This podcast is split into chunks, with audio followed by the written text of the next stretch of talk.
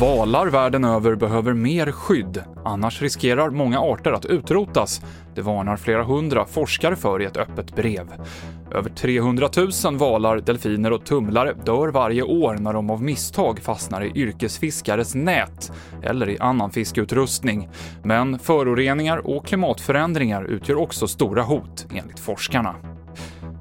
Efter två veckors strider om regionen Nagorno-Karabach så inleder Armenien och Azerbajdzjan en vapenvila som börjar nu klockan 12. Man kom överens om det i samtal som Ryssland ledde. Syftet med vapenvilan är att utbyta fångar och döda, men Ryssland säger att man hoppas att det ska fortsätta med fredssamtal. Och en person som i natt blev påkörd av en långtradare blev själv misstänkt för brott. En lastbilschaufför larmade polis efter att han känt att han kört på något på riksväg 40 mellan Bollebygd och Landvetter.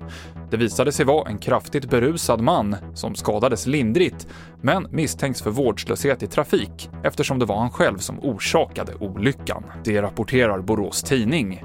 Det var TV4-nyheterna med Mikael Klintevall.